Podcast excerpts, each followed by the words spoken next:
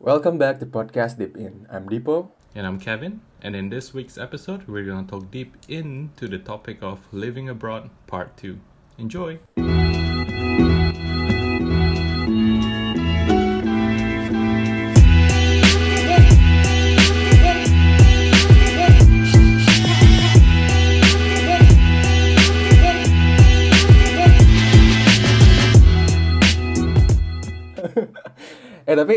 Tapi lu selalu eh lu selalu dengerin nggak Fit? Eh lu udah dengerin berapa nggak sih? Gua, Atau selalu denger? Ya. gua ada dengerin satu atau dua yang pertama. Lumayan bagus kok. Alright. Oh, aduh. Lumayan ini sebenarnya kami selalu improve sih. weh. Udah sampai dengerin semua dah. Udah sampai ke 8 ya. Wow. Ini yang ke-8, yang ke-8. Wow. Oke, kita mulai ya. Eh, yo, welcome back to podcast. Eh, udah lama banget ya, Pin. Kita terakhir ud- ngebuat podcast sebelum 2019 masuk ya. Eh, Po, udah lama ya, Po? ini bener lama. Selalu gitu ya. Iya, ini bener lama banget overnya. Iya, jadi buat pendengar sorry banget eh, kita udah lama nggak ngebuat. Jadi kemarin itu em, si Kevin balik ke Indonesia dan gua itu eh kita sekarang pakai logo ya soalnya ada Iya, iya. Biar, biar, biar market kita lebih besar, Po. apa sih Ya. yang mau diwawancari. Ya.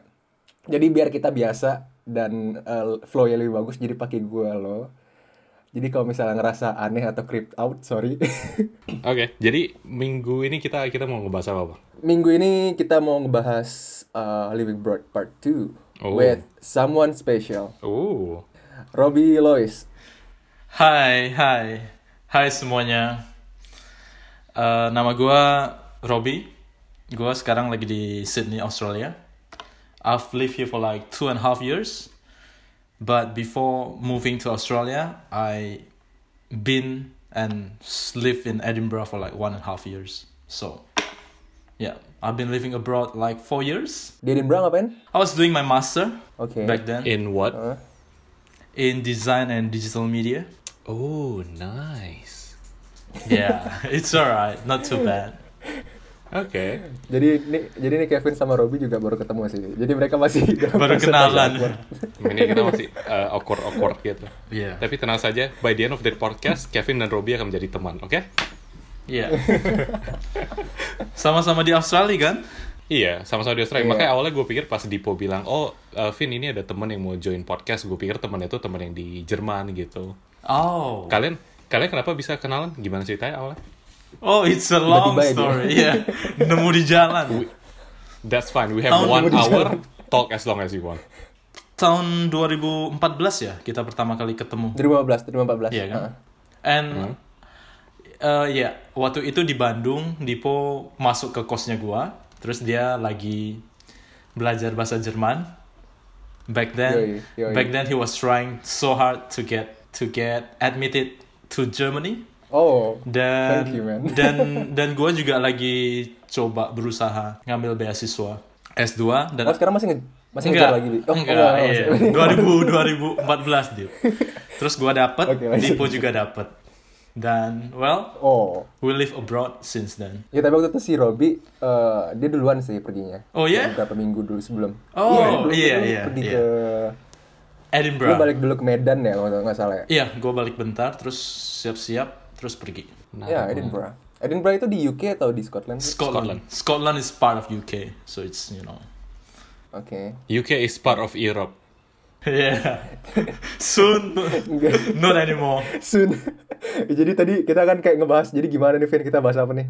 Eh, kita bandingin Europe sama Aussie lah lagi sekali lagi. Terus Oh, kayak that's tapi kan nice. UK nggak Europe. Ya, terus kita bingung gitu. Oh, What should we do? Iya. Ya terus gitu lah. kayaknya nih ini menarik yang buat dibahas tuh, Po. Si Robbie kan beasiswa eh, LPDP, I assume. Oh yeah. Iya, eh, boleh nggak sharing sama yang nanti denger gimana cara bisa dapat em, beasiswa S2, tipsnya apa aja? Karena kayak LPDP kan lumayan terkenal banget sih, mungkin kayak beasiswa di Indo yang paling terkenal LPDP. Semua orang juga banyak yang nyari, banyak yang pengen juga, mungkin. Kayak aku juga sebenarnya ada rencana sih mungkin couple years down the line kalau mau mungkin mau daftar LPDP juga. Atau ceritain That's dari great. awal prosesnya gimana juga boleh gitu. Hmm, oke. Jadi LPDP itu skema beasiswa yang menurut gua salah satu yang paling baik di dunia ya. Karena meskipun dia baru baru kayaknya belum sampai 10 tahun, cuma kayak eh, cara man- manajemen semuanya itu udah bagus banget dan sekedar informasi itu yang mencetuskan ide LPDP itu pertama kali Bu Sri Mulyani. Waktu itu dia masih menjabat sebagai Menteri Keuangan di zamannya Pak Pak SBY. Sebelum di di sebelum dia berhenti karena kasus Senturi segala macam dia selesaiin itu dulu. Prosesnya sih cukup straightforward ya, tinggal tinggal daftar daftar eh, pendaftaran online. Setelah itu lengkapi syarat-syaratnya, wawancara dan kalau terpilih ikut program kepemimpinannya dan langsung pergi seperti itu. Pro kepemimpinannya PK kan istilahnya ya? Iya, PK. Waktu itu gue PK waktu itu gue PK 13. Di PK sih seru karena kita kenal banyak orang dari berbagai background, dari berbagai kota di Nusantara, berbagai umur dan kepribadian. Jadi range range range umurnya cukup bermacam-macam. Ada yang fresh graduate langsung dap dapat, ada yang udah kayak kayak umur 30-an. Bahkan ada yang udah posisi lumayan tinggi di di TNI juga dia dapat beasiswa. Jadi ya cukup beragam Oh, sekali. wow. Di Dan sana harus itu ikut PK itu kan? harus Iya. Seru dong berarti ya? lumayan seru. Waktu dulu itu aku satu minggu tinggal bareng terus kayak ngikuti jadwalnya segala macam, bikin tugas eh, kelompok segala macam lah. Ya, just like that. Oke. Tapi perasaan eh kalau nggak salah dulu eh, lu sempat kerja juga ya sebelum ya, maksudnya di di antara waktu eh, S1 dan LPDP lu sempat kerja kan ya Iya, waktu itu? gue sempat kerja. Gue sempat kerja di terakhir gue kerja di Bandung. Gue kerja di Telkom Bandung sebagai desainer di bagian R&D department sebelum gue berangkat ke Edinburgh. Ah, kenapa milih Edinburgh? Oh, pertanyaan yang sulit banget ini. Alasan pertama itu karena Tunggu, eh Gua dari sorry, dulu- sorry motong. Hah? Edinburgh-nya di University of Edinburgh atau? Iya, University of Oke, Edinburgh. oke. Cool, cool, cool. Lanjut. Iya. Continue. Pertama itu karena kotanya ya, gue dari dulu tuh suka banget sama UK. So I kind of like immerse myself in all of the TV series, the musics, that kind of stuff, the books, C.S. Lewis, Tolkien. Eh, terus gue tadinya mau mau di London dan lain-lain. Cuma setelah gue pikir-pikir, gue pengen sekolah master gue tuh di tempat yang nggak terlalu ramai, sepi supaya gue benar-benar bisa fokus. Dan setelah gue research, kayaknya Edinburgh ini kotanya bagus banget buat tinggal, buat benar-benar gue bisa fokus belajar. Yeah, It works? Explore. Hmm? Yeah, it And works. was it- It works really well. Yeah, was it in okay? Was it indeed like was it was it indeed like that? I mean, the Edinburgh is it cool? Just like what you've imagined? Yeah, it's it's better than I imagined. To be honest, there's so Oh, many so many things to do there to see, but it's not as crowded as London. I stayed in London for like a month. I I love it. It's a very big city and so many amazing things happening. But to picture myself as a student in London, it must be really tough, because I Yeah, will yeah. not be as focused as I was in Edinburgh if I go to L- London because just too many distraction. If you know what what I'm trying to say. So I think Iya, iya, iya. Edinburgh is a perfect choice for me. Wow. Banyak banyak nggak sih orang Indo di Edinburgh? Eh, nggak terlalu banyak sih. Mungkin waktu tahun 2015 itu mungkin sekitar 30 atau 40-an. Oh, wow. It's not that much. Itu right? mahasiswa apa masyarakat? mahasiswa sama ada beberapa masyarakat juga. Waktu kayak ada gathering gitu, biasanya orang Indo yang bukan mahasiswa yang kerja di sana atau yang udah tinggal di sana juga ikutan join. Dan cuma segitu sih. Wah, aku nggak banyak ya. Maybe less Okay. than a hundred. Mhm. Shit. Okay, so so tell us more about about your life atau the life of people di Edinburgh, Edinburgh apa sih cara ngomongnya yang benar apa? Edinburgh. Edinburgh. Okay, you go. Edinburgh. Edinburgh. Karena karena kayaknya jarang kan, maksudnya as as as you said earlier, jarang ada orang Indo yang ke Scotland buat kuliah atau buat kerja atau buat tinggal. So you know, tell us a little bit more tentang hidup di sana tuh kayak gimana, apalagi jadi mahasiswa kayak gimana, pasti asik. Asik sih. It's a completely different experience. Karena bener-bener keluar dari comfort zone dan karena nggak banyak orang Indo mau nggak mau kita dipaksa untuk untuk langsung langsung beradaptasi dengan culture mereka seperti itu kan. Kalau misalnya ada banyak orang Indo pasti ujung-ujungnya main sama orang Indo segala macam. Cuma karena ini bener-bener nggak terlalu banyak jadi ya mau nggak mau kita harus berbau dengan mahasiswa internasional dan juga orang lokalnya seperti itu. And get out of your comfort zone ya kan? Yeah, yeah. oke. Oke sorry uh, follow up question on that note Sydney kan Alright. ramai banget nih orang Indo Mm-hmm. keras Sydney kerasa like nggak too many, too many in- Indonesian. Yeah. literally kayak whole lot. satu blok selesai lu jalan tuh Yup. kayak orang Indo Yup. jalan Yup. satu blok lagi orang Indo it's like what Iya. Um, Iya, ke- kerasa banget ya beda yang tadi lo bilang kalau di Kerasa tuh kita banget. harus benar-benar Uh, to be honest with you guys, the first day I'm here, I I feel like home because like there's so many Oke. Indonesian, so many Indonesian restaurant, and I get on a, the train, I hear peop people speaking in Bahasa, so it- it's like wow, familiar faces, Asian faces everywhere. Yeah, yeah, iya. Yeah, which is make things a lot uh, easier here. Hmm, mungkin kalau di Eropa bisa dibandingin dengan ini dengan Belanda kali ya. Di Belanda kan juga banyak orang Indonesia tuh. Hmm, iya, diaspora di Belanda banyak banget. Maybe. S- Jadi gimana keadaannya di di Jerman? Can can I ask you guys a question? Oh, oh, of course, Oh, of course, okay. of course. So, so how how is the condition in Germany, Dipo? I mean, right now or ya Are there many Asians there? Indonesian restaurant? untuk Asia sih rasaku rasaku sih ini sih kayak tiap kota beda-beda gitu sih. Kayak waktu dulu eh karena aku sempat eh, college di di kota lain kan nama kotanya itu Kiel Mhm. dan itu adalah harbor city di mana banyak ships dan banyak ya kapal-kapal gitulah. Dan di tempat itu ya Asia yang paling banyak itu orang Vietnam gitu-gitu. Mhm. Kayak tempat sekarang itu paling banyak kayaknya orang China sih. Ya beda-beda lah. Tapi untuk orang Indonesia sendiri ya di kotaku sekarang sih termasuk ramai. Mhm. Tapi kalau misalnya di kota kecil kebanyakan sih emang dikit sih dan ya sebenarnya menurutku lebih bagus gitu untuk Berbaur ya. ya bergaul untuk ya berbaur dan mengerti gimana sih uh, culture mereka gitu-gitu. Mungkin sih kalau untuk yang pertama ya susah sih pertamanya gimana sih uh, kita berbaur, gimana sih uh, kita deket dengan orang sini. Tapi lama-lama sih seru juga gitu loh. Dan sekarang tuh gue udah dalam poin ngerasa bahwa Jerman itu senyaman Indonesia ya. I feel like home gitu. Ngerti gak sih? Wow, Oh, so cute. that makes you a Yeah, I feel German. like I feel like that. Yeah, I feel like that. Maksudnya kayak beda gitu loh. Kalau di Jerman gue ngerasa lebih secure sih. Kalau di Jerman mungkin di Eropa in general gitu ya. Hmm. Lebih secure. Eh, maksudnya untuk hidup itu lebih jelas kita mau ngapain tujuannya gimana gitu loh. Hmm, hmm, hmm. Tapi eh, untuk aku sendiri sih abis kuliah kayaknya balik Indo sih. Hmm. Pengennya. Gua gua juga Ya, amin. rencana pa- jangka panjangnya mungkin balik Indo sih. Kalau Kevin gimana? Udah berapa lama di Canberra? Dan why Canberra? It's out of nowhere. Why Canberra? Um, gantian, gantian. yeah. No, actually pretty much the same reason as you. Um, I was I was looking for a place yang emang lebih sepi. Um, and Can Canberra Canberra Canberra is one of them. Terus maksudnya uh, I was at ANU. I graduated last July dari ANU. And ANU is the main reason kenapa gue milih Canberra. Kalau ANU di tempat lain maybe I'll gue tempat lain gitu loh. Cuma karena ini di sini gitu. And um, ya yeah, gue dari di sini tuh dari udah tiga tahun nih. Eh iya udah tiga tahun. Eh pas tiga tahun. um, ya udah udah tiga tahun di sini and I love it. Sama awalnya juga gue bingung gitu. Oh kenapa kenapa tiap hari Minggu gue keluar terus di jalan gak ada orang di atas jam 10 udah gak ada mobil. What?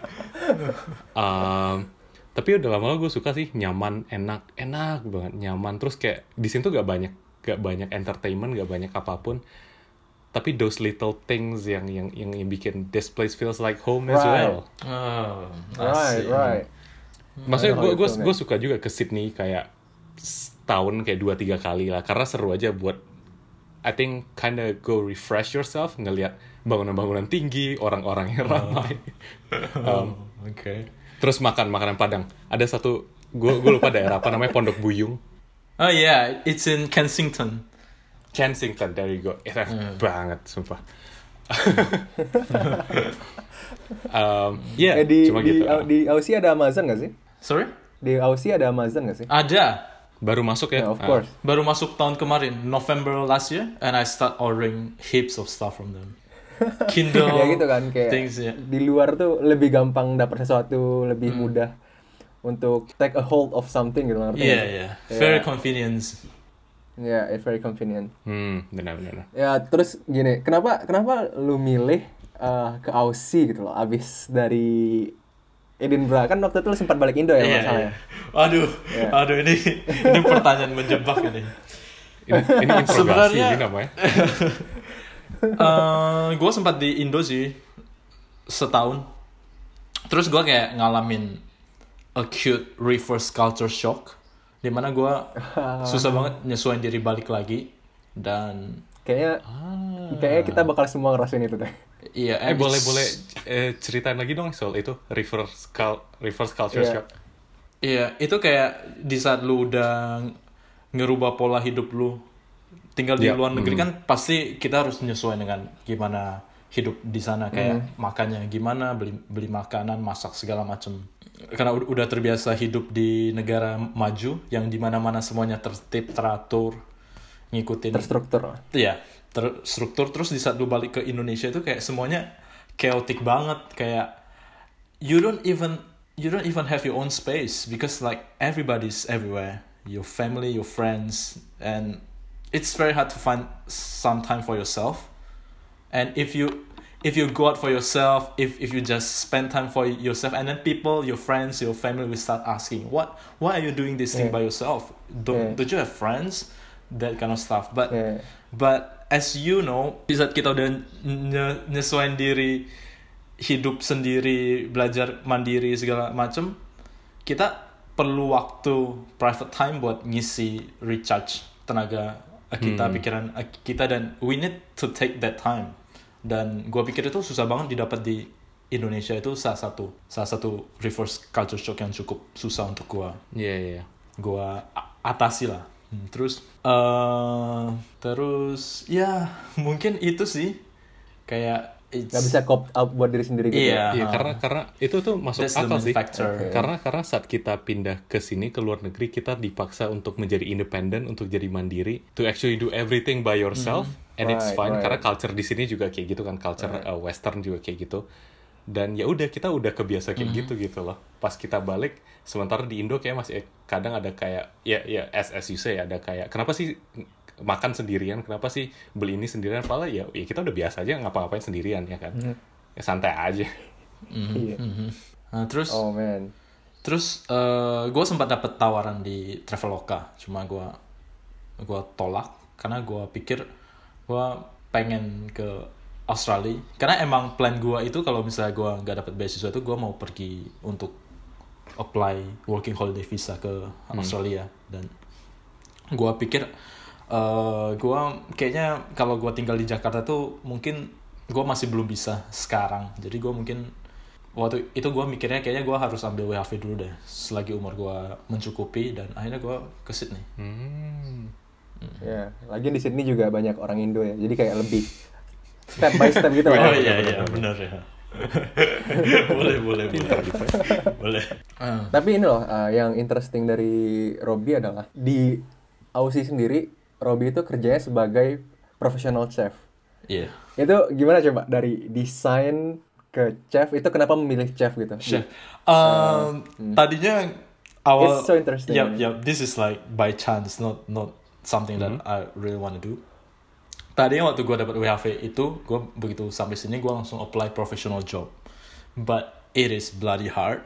Like I got several call interview but as soon as they know my visa condition they say ah sorry Yep, we we can't hire you. We we only want to we we're looking for someone who can work long term and ideally a resident in Australia.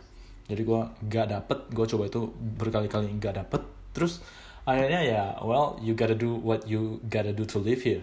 Terus Gotta do. terus gue apply casual job. Waktu itu sebagai kitchen hand. Nah, sempat kerja sebagai storeman dan all rounder segala macam. Cuma das, di saat gue kerja sebagai kitchen hand kebetulan kerjaan gue itu lumayan bagus lah. Ma- maksudnya tuh bu- bukan kitchen hand yang kayak kayak di tem- tempat-tempat shady nggak jelas cuma gue dapet tawaran kitchen hand itu di corporate kitchennya Commonwealth Ah. di Darling Oh, oke. Harbor terus gue sempat kerja di sana di sana itu di sana itu tiba-tiba gue menemukan sesuatu yang oh menantang yaitu memasak Kayak Hah? kayak Maksudnya kayak itu burn, burning out passion Yeah, inside it- lo ya, inside-nya. it give me another type of passion terus gue Alright. Gue di sana sebagai ki- kitchen hand gue bantu prep function segala macem terus karena gue lumayan bagus itu pad- padahal kayak pekerjaan pertama gue karena gue sama sekali nggak pernah bener-bener masak kan waktu tinggal di Eh bentar, Indonesia di Edinburgh, di Edinburgh emang lo nggak sempet ini ya, nggak sempet part time ya? Eh gue sempet part time sebagai cleaner di toko Ah, oke. komputer Iya. Oke, Uh, continue. Iya. Gua karena nggak pernah masak secara profesional, gue di sana diajarin semua dan karena mereka lihat gua bisa, terus gua dikasih kayak kepercayaan lebih. Waktu itu itu ada satu chef, dia chef orang Korea, dia bagi eh, ce- cewek namanya Soyang. Halo Dia Suyang, kerja di kalau Suyang section. mendengarkan. Dia kerja di sushi section, terus kebetulan dia ambil annual leave-nya dia satu bulan. Hmm. dan head chefnya itu suruh gua suruh gua tuh kayak gantiin posisinya dia dia bilang gua mau lu selama satu bulan tuh lu megang section ini dan di saat lu kerja di section ini lu bukan kitchen hand. Kayak kayak you are you are in charge. So so you you have like this kind of authority bla bla bla. Dari sana terus gua kayak Jatuhnya kayak sous chef gitu gak sih? Atau emang Belum. ada chef yang lebih di atas lagi?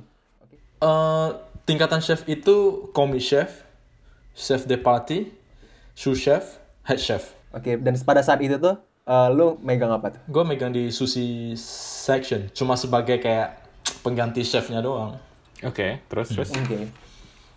terus dari sana itu passion gue terhadap masakan itu ya kayak menyala tuh ya membara Wah, gila. Kayak lu menemukan masa muda lu gitu. Iya. kayak uh, it's quite challenging and it's uh, a, a little bit different type of challenge compared to being a designer habis dari sana tuh gue memutuskan untuk belajar masak secara profesional. Karena kayak uh, practical skill itu lu bawa mati. Maksudnya like well Yeah, yeah, if if you have Ya. many practical skill it's good. It's benefit you.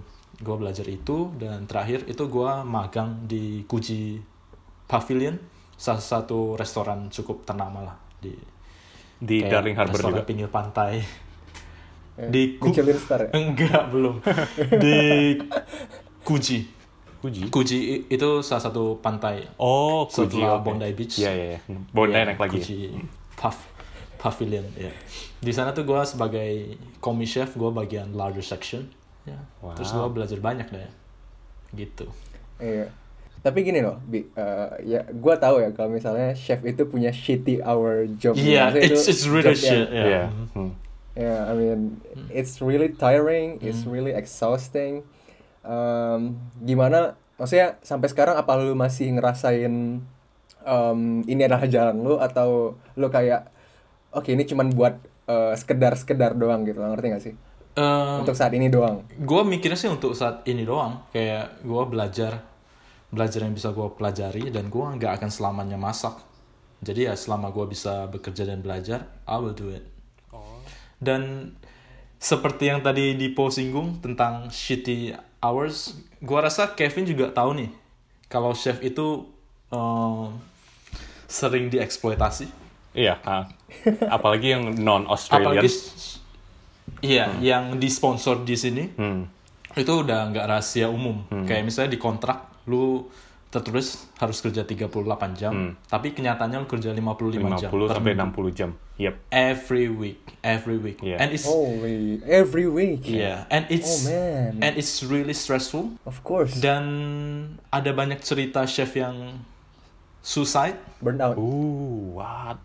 I mean, I mean, it's easy to find. I mean, to get burnt yeah, out from that so easy. shitty hours. yeah, you know? so easy to get burnt out. This is a really big problem because apparently when I work somewhere, mm, I don't want to mention the place name. Yeah, ya. Like I, Okay. I got a news, someone just killed himself. I mean, is it, is it someone you know or No, it's not someone that I, I doesn't know him. I don't know him personally, but Hmm. he killed himself.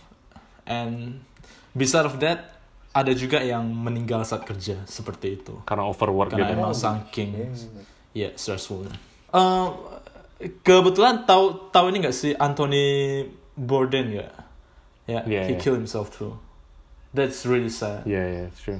you know, because mental health issue is is something we have to take seriously. That's true. Yep. And- mhm. Yeah, right, right. Yeah, we have to take off our mental health. Seek, seek, right, seek professionals and, you know, tell your friend, tell, tell your family. Mhm. It's all everything you need, you know. Yeah, you have to Ya, maksudnya kayak open uh, up and seek help. Help, if you feel Yeah. feel something really hard, if you feel a hardship, Yeah. just seek help because people are there to help Yeah. you and it just Hmm. Yeah. it's not eh, karena apa yang lu rasain itu kadang itu bukan nggak selamanya bakal begitu itu cuma sementara doang Yeah. jadi ya taking care of your mental health so much It's, it's important Yeah, true, and true. it's a big true. issue here in Real life. Australia as well. Mhm. Yeah. Rate suicide di di Australia gede nggak sih? Maksudnya kayak dibandingin kayak negara-negara maju lain. Ini jadi ngomongin aku kurang tahu statistiknya sih cuma sepertinya it's not as bad as bad as- as in the UK or in Japan or in China Yeah. Mm-mm. but it's quite quite bad It's quite bad. Um, I guess so Cuma yang menurut aku yang agak aku mungkin s- Kelvin lebih tahu bukan kayak salut atau apa ya, cuma kayak di sini tuh they actually take that seriously. They actually take mental health issues, mental health awareness seriously. Um, help are everywhere kalau ya kayak kita bilang tadi, um, service-nya ada, fasilitas ada, terus kayak um, awareness-nya selalu kayak digembar-gemborkan di mana-mana. That uh, which is good gitu loh. That uh, people here actually take take this issue seriously. And um, yeah, um, I'm I'm again gue juga nggak tahu kayak statistiknya berapa, but there's a lot of people um, near you know the environment that I'm at di Canberra gitu gitu segala macam um, having difficulties, uh, mental health issues, apalagi kayak di kampus gue, um, it's a really big issue this past couple of years. I think selalu sih, cuma kayak Mhm. yeah, dan hopefully hopefully it gets better. Did Did you hear the news last week that uh, I I I think last month about an international student in Melbourne killed himself? Mm, no, but we had There is we had apparently we had a couple last year, not a couple, a couple seems Hmm. a lot. Ada satu tahun lalu, tahunnya sebelumnya lagi ada kayak dua atau tiga orang. It's pretty bad. Hmm. Itu di ANU alone gitu loh. Yeah. Yeah. Wow. wow. Mungkin ini isu yang cukup serius ya Mm-mm. di Australia. Kalau di Jer- Iya. Jerman sendiri gi- gimana? How about in Germany? Uh, wow. Yeah, I think it's the same. I mean, uh, like last year or a couple last years, um, there's someone who jumped from um, university rooftop. So, I mean, it's kayak ada gate masuk um, di buildingnya dan dia jump dari situ gitu loh. Building utama kampus gue dan ya itu shock banget sih. Serem banget ya. Mm. Iya, kayak he splattered everywhere. I mean, I Oh, don't have to. no, Uh, please don't go into sorry. details, please. ya maksudnya gini kayak kalau di Jerman sendiri itu kayak setiap uni mereka punya kayak psikolog Hmm. um, khusus yang grat digratiskan buat siswa mahasiswa Mhm. jadi setiap ada masalah uh, kita bisa ke sana gitu saking mereka sangat aware dengan Hmm. hal ini gitu jadi kayak lu tinggal kontak kampus saya butuh psikolog datang ke kampus dan langsung ada gitu ya I think it's the same in Iya, Australia gitu right? juga. Iya. Yeah, moving on. It's a depre- It Yeah. was a depressing story. right? I mean, ya. Yeah, jadi gini. eh yang rasain banget nih perbedaan tinggal di Aussie sama di UK. Ada nggak perbedaan yang gede banget kerasa gitu? Selain The, weather. the weather. I know it. I knew. Terus gimana? itu perbedaan yang paling besar sih. Kalau di Edinburgh itu gloomy banget. Bahkan di summer pun itu hari cerah bisa dihitung pakai jari, Oh. pakai jari tangan doang. Oh. Dan dan kalau misalnya di summer lagi cerah itu semua orang tuh pada keluar berjemur, berjemurnya di taman karena pantainya dingin banget. kayak kayak gitu. Sedangkan di Sydney, well it's summer is such an amazing time. Like it's sunny days every days, every weeks, most of most of the time. Yeah. Itu Yeah, but- yang but- pertama. Yang kedua itu soal makanan. Asian food di Edinburgh nggak sebanyak di Sydney dan Of course. dan ya seperti itu dan orang Indonesia nggak nggak terlalu banyak karena itu mungkin nggak ada restoran Indo di Edinburgh. There's no Indonesian restaurant at all. Yeah, but Asian, Asian restaurant. is- Yeah, yeah. There's like It's Thai, affordable. Thai restaurant, Malaysian. Alright. Tapi di Sydney itu hampir setiap suburb ada restoran Indo. Iya, iya. Oh man. I I can I can vouch for that. Right? Yeah. Apa gua Jadi- setelah balik ke Sydney aja? ya? boleh boleh. Karena mumpung Eh, ini good plan, ag- ya. masih agak gampang sih po kalau mau kayak dapat working holiday visa gitu. Kalau kalau misalnya lu nunggu Oh, serius? kayak 3 5 tahun lagi itu udah mungkin udah bakal susah banget gitu. Plus Australia punya rate uh, minimum wage salah satu yang paling tinggi di dunia. Soalnya ya tertinggi. There Tertinggi. go. Yeah. Iya, yep. So good time. Iya. Yeah, but I cannot imagine how how the weather. You know, I mean, it's in first and you have summer. It's- You have summer in December. It feels so weird. Oh, yeah, yeah, yeah. There's no white Christmas di we have we have a s- There's no sunny white Christmas. yeah. And I Terus mean- yang kedua eh terus selanjutnya itu orang-orangnya. Kalau orang di UK itu mereka lebih reserve ya. Hmm, okay, okay. Mereka Europe. book it unnecessarily not polite oh, atau enggak ramah cuma mereka emang lebih reserve aja emang gi- gitu aja cara mereka ngejalanin hidup. Sedangkan orang Australia ya tahu sendiri mereka laid back banget. Laid back terus chill santai seperti itu. Oh, gue pikir eh, orang-orang Aussie mirip orang Eropa loh.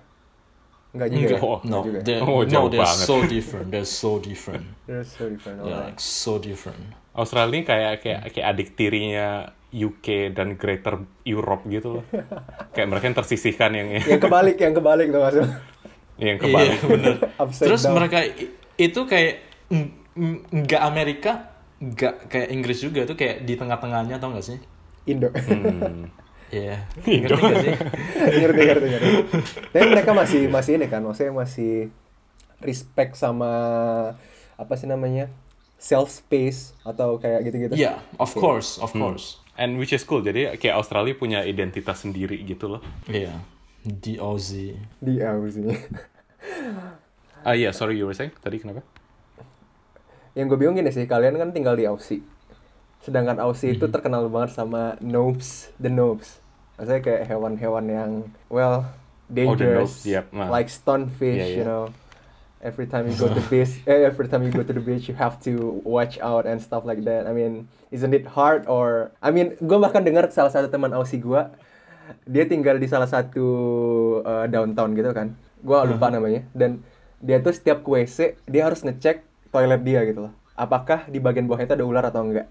Apakah itu benar gitu? Itu mungkin bener di Outback ya. Cuma kalau di kota besar kayaknya enggak deh.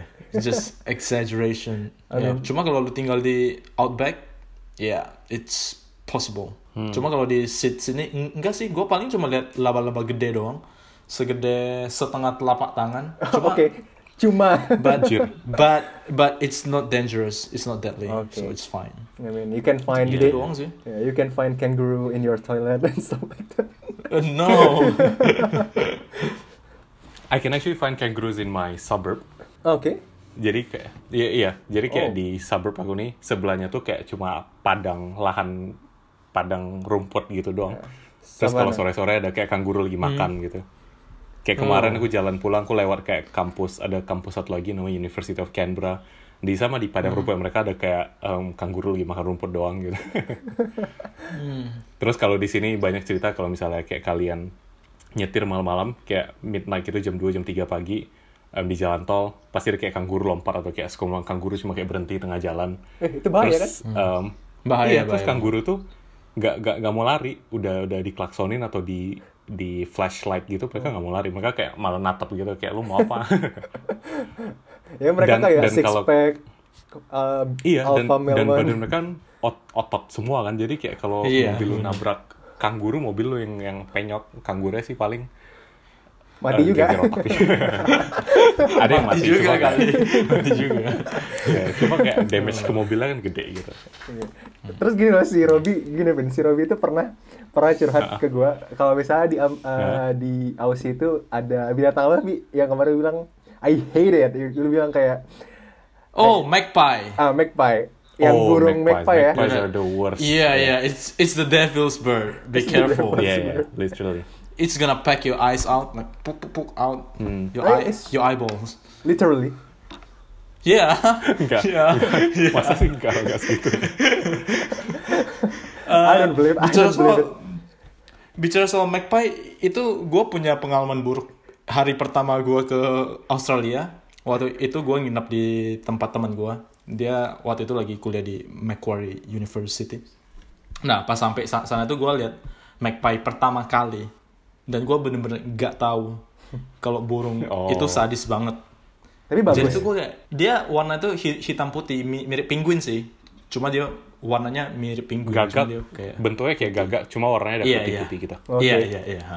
Nah, terus gua nggak tahu kan, gua kira ih bu- burungnya lucu banget, terus gua nyampirin dia, kayak, "Hey." terus ternyata gua di diserang dong, di saat itu Diserang gua di gimana? trauma banget, kepala gua dia kayak pok pok pok gitu, serem iya, banget tuh iya, bener-bener kayak oh my god, it's so scary, shit. Habis itu gua Like, di sini kalau di every- Australia tuh Trauma literally banget deh. Trauma di taman-taman gitu banyak em, apa tanda-tanda cuma kayak beware magpie, beware magpie gitu-gitu. Karena magpie itu kalau kalau ngeliat lo bawa makanan dia bisa kayak swoop ke bawah, foot diambil gitu. Holy. Terus kayak kalau apalagi mereka tuh nggak suka banget sama em, orang yang naik sepeda. Naik sepeda kalau kalau lo lewat di bawah pohon dikit aja misalnya dia lihat pohon langsung dia jar pak pak pak gitu. Dia udah kayak Gak gagak tau kenapa iseng aja. gagak yang masuk satanisme lah ya. Iya bener. Iya iya. itu Masuk beneran kau- di diserang sih dia dia kayak beneran ma matuku lu be- beneran kayak oh my god so scary Like Jadi every time. tuh lucu kalau orang pakai helm tuh di atasnya ada kayak em, plastik-plastik eh, kayak duri-duri gitu. Biar Oh, si magpie nggak nyerang. Iya. Lucu Oh. lucu tuh. Jadi kayak every time Robbie hear about Magpie, he has PTSD yeah of course and flashback I like. Vietnam War. Vietnam War. Magpie ya gitu. Terus Bi, eh, ada rencana S3 nggak ke depannya? oh oh I mean, are you are you do you want to be some kind of high class um, educator or like professor? Oh, iya. Hmm, untuk sekarang nggak kepikiran sih pernah kepikiran sih cuma belum benar-benar kayak mutusin aja well actually I I have a my research proposal for PhD but I just you know save it for now Right. because it takes a lot of commitment and things ya kenapa Yeah. Desain atau chef? design design design design Desain? Kenapa? Karena emang itu kayak passion gue sampai sekarang pun gue masih ada beberapa side project mm, desain seperti itu Ah, I see. Oke. Berarti eh, emang chef ini emang part time sebelah doang gitu lah ya. Iya. Dan Cuma kebetulan passionate ini nambah ya. skill aja ya Hmm, nambah iya, practical iya. skill lah. Seru tau biar udah, bisa udah udah masakin buat keluarga you know atau calon Weh. keluarga calon keluarga. kutip kebetulan kebetulan Bi, si Kevin hari ini dia resign dari restoran dia. oh Jadi dia Iya. kemarin tuh kan sempat kerja cerita Pin. cerita cerita Eh, ini sebenarnya gue gue pakai bahasa Indo lah ya. Soalnya kalau pakai bahasa Inggris sih ketahuan sama em, bos gue tapi oh oke oke Um, jadi dulu pas gue pernah datang ke Australia, uh, casual job pertama gue tuh jadi dishwasher, Uh, steward sih, jadi kayak tukang bersih-bersih di kitchen hotel gitu, di Hotel Hyatt Canberra. Um, Been there sampai kurang lebih kayak setahun kurang. Oke lah, kerjanya itulah shitty-shitty job, tapi kayak you know, you Yeah. have to do it kan.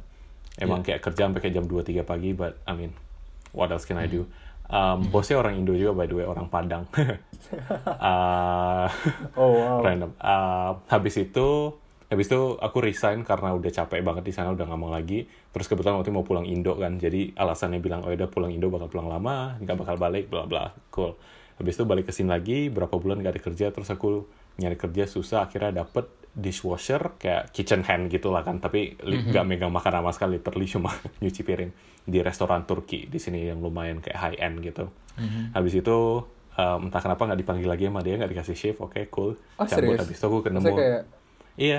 oh. Jadi dia tuh waktu itu bilang, waktu itu aku udah kayak kerja 2-3 bulan gitu, no problem, all good ya kan, sampai suatu hari dia bilang, no not really no no no, karena karena karena kalau kitchen tuh, pok kitchen rata-rata Asian. yep Ah, iya sih emang. mostly Kalau Iya di sih, sini restoran tuh gitu, kitchennya Asian, depannya depannya bule. Di sini juga. di bahkan sini. Iya. chef-chefnya juga chef-chefnya juga banyakan Asian ada Hmm, bu- bu- iya. bule pun bule-bule yang Eropa bukan orang sini Ah. kecuali I see, yang iya, yang di di high position ya kayak head ya chef, kayak high, head, head chef, gitu biasa orang lokal executive chef mungkin orang sini cuma kalau kayak chef chef biasa tuh biasa orang Itali Prancis Oh. Ya seperti Bellissimo. um, Oke, terus habis habis itu habis itu ya pokoknya suatu saat dia cuma kayak hey Kevin sorry um, gue udah gak punya um, gue saat ini gak punya shift nih buat lo kalau ada nanti gue kasih tahu ya itu dua tahun lalu po Sampai sekarang diatur. sampai sekarang belum dibalas-balas SMS Terus tiba-tiba kayak, sekarang Hey Kevin, are you free? Are you free to work tonight? Um, no, ya habis itu habis itu gue udah kayak oke lah ya uh, whatever. Terus gue kira dapet tempat yang gue kerja sekarang tuh kayak restoran burger baru buka. Awalnya jadi kitchen hand juga. Um, terus selama ini gue mikir gue kitchen hand dong karena kerjanya ya you know masak burger bikin kentang dan dan bikin burger segala macam. Terus suatu hari gue ngomong bos gue gitu di resume dia kan ngeliat resume gue dia bilang kayak kenapa lu terus lu kitchen hand? Gue bilang emang gue apa? Lu tuh cook. Gue kayak oh iya Oh, cook gitu. chef Langsung kayak bangga gitu ya. Over proud. ya gue bangga akhirnya um, no anyway gue kerja di sana udah satu setengah tahun lebih sampai tadi. Um, sebelum pas itu juga waktu itu lagi summer kan karena di sini summer di sini libur um, kuliah lama. Jadi waktu itu gue ngambil kerjaan kedua. Gue kitchen hand di cafe juga ada cafe kecil. Coba bedanya di di cafe ini gue bantu megang makanan gue bantu prep breakfast sandwich gitu gitu which is good. Itu pertama kali gue actually dapat kerjaan yang nge-involve gue megang makanan dan ngurusin makanan which is you know nice gue belajar banyak seru Um, tapi tetap kayak bantu-bantu bersihin kitchen itu tugas utama gue gitu. Iya, yeah, but that was fun. Cuma itu kayak 2-3 bulan, habis itu sebulan dua bulan, habis itu gue harus balik Indo lagi. Um, terus gue bilang dong, itu gue bekerja sebulan tuh, terus gue gak enak kan mau minta li- uh, leave selama sebulan lagi. Terus gue akhirnya gue minta, dia bilang oke cool nggak masalah, karena kecil banget. Ini ini cafe yang kayak super slow gitu, yang Australian banget. Um, they're like cool. Terus pas gue balik Indo, terus balik ke Australia lagi, terus gue email dong si manajer gue bilang hey eh, gue udah balik nih ke Australia. Kalau kalian butuh orang ini availability gue ya thank you. Terus dia balas oh sorry gue udah gak kerja di sana. Malah dia "What?" Em, terus dia nggak ngasih info apa apa terus gue kayak oke ya udahlah kan Em, terus berapa minggu kemudian gue ketemu sama eh, coworker gue yang kerja di sana juga. Gue tanya dia lu masih kerja di sana? Dia bilang enggak semua orang udah gak ada yang kerja di sana. Gue kayak what? Apparently Loh, mereka ganti yang- owner gitu. Oh. Terus semua semuanya di, ditendang orang-orang lama gitu. Terus dari saat itu gue masih lanjut kerja tempat burger. November lalu sih gue untung dapat kerja full time accountant yang kayak sesuai sama uh, degree uni gue. Tapi waktu itu gue ngerasa kayak um, belum mau ngelepas aja yang ini karena um, karena masih bisa. Maksudnya lumayan tau.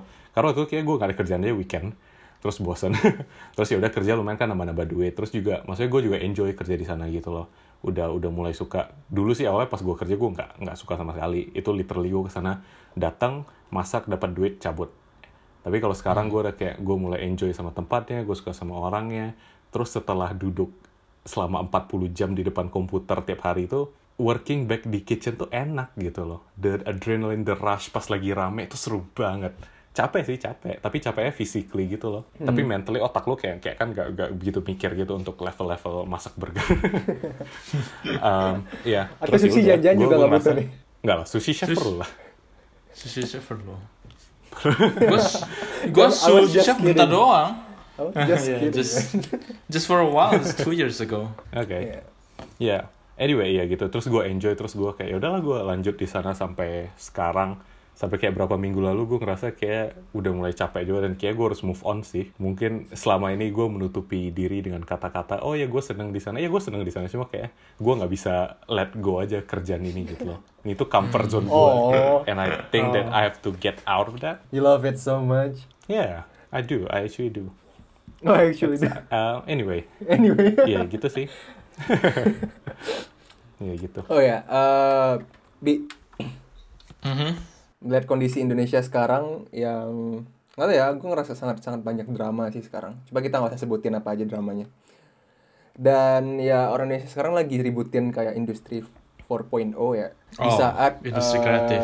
Jepang bahkan sudah mau mulai masuk ke society 5.0. Menurut Hmm. ah, menurut lo itu gimana sih eh, supaya kan kita nih sebagai orang-orang yang sudah eh, punya pengalaman saya tinggal di luar negeri dan gimana sih em, kehidupan modern dan di, di negara maju gitu loh. menurut lu gimana sih apa yang dibutuhkan Indonesia sih untuk bisa lebih maju dan juga ya in your point of view lah kalau enggak gimana sih apa sih yang dibutuhkan Indonesia gitu loh Menurut gue sih yang paling penting itu infrastruktur ya. Bukan cuma jalanan doang sih, cuma kayak perbaharui sistem transportasi segala macam. Dan juga kita perlu unicorn unicorn. Unicorn. baru. Buat gimana ya? Buat buat bersaing lah di kancah internasional dan juga supaya perekonomian kita itu nggak dikuasai oleh brand-brand gede dunia. Cuma kayak ada sesuatu yang lokal yang bisa menggantikan lah. Atau bahkan mendisrupt right. mendisrupt Perekonomian uh, global. perekonomian global atau brand-brand yang udah ada seperti itu itu yang paling penting sih dan menurut gua strategi Jokowi udah cukup oke sih buat sekarang dengan memberikan ruang untuk menginkubasi startup-startup baru, memberikan pendanaan, pelatihan, dan lain-lain. Gua nggak nggak terlalu tahu detailnya sih. Cuma sebelum gua dapat beasiswa ke Edinburgh itu gua kerja di Bandung Digital Valley, R&D-nya Telkom. Itu kayak tempat untuk inkubator juga untuk startup-startup. oke dan waktu untuk sekarang lu kurang tahu tapi ya gimana sih um, Ku- kurang tahu perkembangannya iya. Cuma dari yang gue lihat yang gue lihat udah beberapa udah cukup oke sih. Ya maksudnya sekarang trennya emang startup sih emang ya Iya, orang juga startup. ngejar Emang- workplace yang bagus itu gitu kan ya. Hmm. iya. Sangat dan berkembang juga sih, untuk mem- memperbaiki sistem yang udah ada kan mendisrupt dan membuat sesuatu yang lebih mudah lah istilahnya untuk masyarakat Indonesia kayak sekarang masyarakat Indonesia udah cukup melek teknologi. Kayak semua orang udah pakai meskipun cuma sebatas pakai Facebook Instagram Gojek GoFood Traveloka Tokopedia lain-lain. Cuma kayak mereka tuh udah tahu cara mendapatkan barang yang barang dan jasa yang lebih mudah dan gampang dan murah. Seperti apa. Iya. dan menurut gua ya kita perlu perlu perlu perusahaan-perusahaan baru seperti itu. Dan infrastruktur juga yang paling penting. Oke. Menurut gue sih kayak infrastruktur mungkin kalau mungkin infrastruktur mungkin ke lebih ke daerah pendidikan mungkin ya rasa gue ya. Kayak karena kalau sekarang kayak kurang eh, apa sih namanya tara gitu loh di setiap daerah gitu kan. Kayak di daerah kayak bang- anggap di Papua atau di- dibandingkan dengan Jakarta ya pasti kualitas Hmm, pendidikannya iya. beda-beda kan ya. Itu sih rasa gue salah satu perlu yang- juga. bener. Hmm. itu sih rasa salah satu rasa gue yang em, sedikit mempengaruhi banyak malah banyak mempengaruhi kemajuan Indonesia mungkin ya. Soalnya kalau misalnya dengan orang-orang berpendidikan sih rasa gue juga moralitas dan segala macam dan juga kemajuan di bidang teknologi dan infrastruktur juga pasti juga ikut maju gitu rasa gue ya. Ya gitu sih. Dan lu kan Hmm, ya setuju sih infrastruktur so penting. Maksudnya kalau mau apa ya kayak, kayak aku tuh so percaya dari dulu kalau misalnya mau mengubah sesuatu harus mulai dari dasarnya dulu dari akarnya dulu ya salah satu akar yang paling penting ya pendidikan. Untuk pendidikan ak- eh, akarnya di mana lagi? Ya di balik lagi akses ke pendidikan. Akses pendidikan dan infrastruktur. Infrastruktur itu penting. Cuma kayak gitu sih kalau menurut aku ya pendidikan. Cuma but then again pendidikannya bisa di achieve lewat infrastruktur tadi. Tapi lu Hmm, gini ya, nggak bi? setuju kalau misalnya balik Indo ada rencana pengen ngebuat sesuatu gitu kayak your Buka own restoran. startup ya something like that Um, iya pengen buka sesuatu, pengen buka bisnis, pengen buka restoran, pengen bikin startup. Banyak ide sih, cuma karena masih masih dalam in its infancy, so I can't really talk about it. Okay. Seperti itu. You mean you still play, you still you still play. Still thinking. Yeah. Terus dalam Um, masih dalam still proses menamatkan Kingdom Hearts 3 ya? Eh, udah tamat sih Kingdom Hearts 3, lagi bikin 100%. Oh iya. Oh iya, ini salah satu hobi si Robby nih dia gamer banget sih. Jadi gua dari dulu kayak Hobi lu juga kali Dipo, kamu gimana sih? Iya, maksudnya gua yang konekin kita tuh ya game sih. Sama Oh, iya. iya. gue juga main game kok gue gak mau gue gak mau tinggal gue juga main game Ah, mobile mobile game ya, Vin ya? game ambil Fortnite, jalan-jalan. Fortnite, Fortnite. Oh, that's hot. Apex Legend. no, that's that's not my kind of game. Sorry. Yeah, yeah, it's not it's not my kind of game too actually. And yeah, actually it was good. Eh, nggak tahu sih ya. Gue cuma mikir dengan banyaknya orang yang mulai keluar negeri, orang Indonesia mulai keluar negeri dan mendapatkan ilmu dan juga experience dari luar, rasa gue sih eh, orang-orang kayak kita ke depannya bisa maju Indonesia sih. amin Iya. Amin. Amin. itu targetnya. Amin. Amin. Saya kalau misalnya kalau misalnya orang Indonesia di dalam Indonesia doang ya pasti bisa majukan cuma kan kayak mungkin mereka nggak punya experience yang dibutuhkan gitu loh. maksudnya experience yang bisa membandingkan gitu mungkin kita bisa jadi support dalam hal itu gitu loh paling enggak ya Hmm. Iya. Setuju, setuju. ya gimana sih cara balikin patty yang benar gimana sih cara buat sushi yang benar Betul betul betul. Ada boleh, tekniknya, Pak. Uh, yeah, it's been really, really fun. Thanks, Robbie, for joining us. Um. Thank you for the invites, guy. Actually, it it was us. Uh, it is us who has to thank you because, yeah, I mean, um, we invite you and you say yes. And it's pretty good reason to thank Yeah, this is you. uh, yeah. this is actually my first podcast, and I'm I'm a little bit nervous, like really nervous. yeah, yeah. no, that's I fine. Yang yang dengerin cuma kayak dua orang gitu, so that's fine. oh, dua orang doang. your friend, your mom. Iya, itu aja. it's fam it's family friendly friendly podcast so Family friendly Ah, podcast. okay. yeah. with Um, with yeah. a literal literal meaning so. Yeah, I guess it's uh, it's really nice having someone else ya kan po di podcast ini. Um, Iya. Biar kita nggak ngomong berdua aja.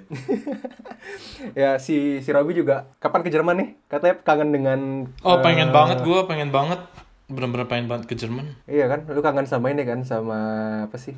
Eh, German market. Yeah, bratwurst Bratwurst and the beers and the beer. and sauerkraut, right? Sauerkraut. sauerkraut. I ya. love sauerkraut. Oh, it's Mungkin Jer- it's the best. Kevin ntar. Eh, tapi setelah setelah gua cek pesawat ke Aussie sama ke Jerman gak beda jauh loh. Dari Aus- dari Indo. Dari Indo pulang pergi ya. Oke. Kemarin po aku ketemu di website gitu. Sydney Athens 600 dolar return. Oh, what? Which is good Seriously? setengah harga gitu. Iya, iya. Oh, um, by the way. Tapi, tapi, by the way. tapi beda. Tapi itu kayak kau pergi Juni, pulangnya Juli gitu. Jadi harus sebulan. Which is perfect by really. Kalau misalnya kau mau road Yeah. trip Eropa gitu kan. Oke, anyway. anyway, anyway, ini kayak kita harus tutup karena eh, untuk voice note-nya Robi HP udah mau habis baterai.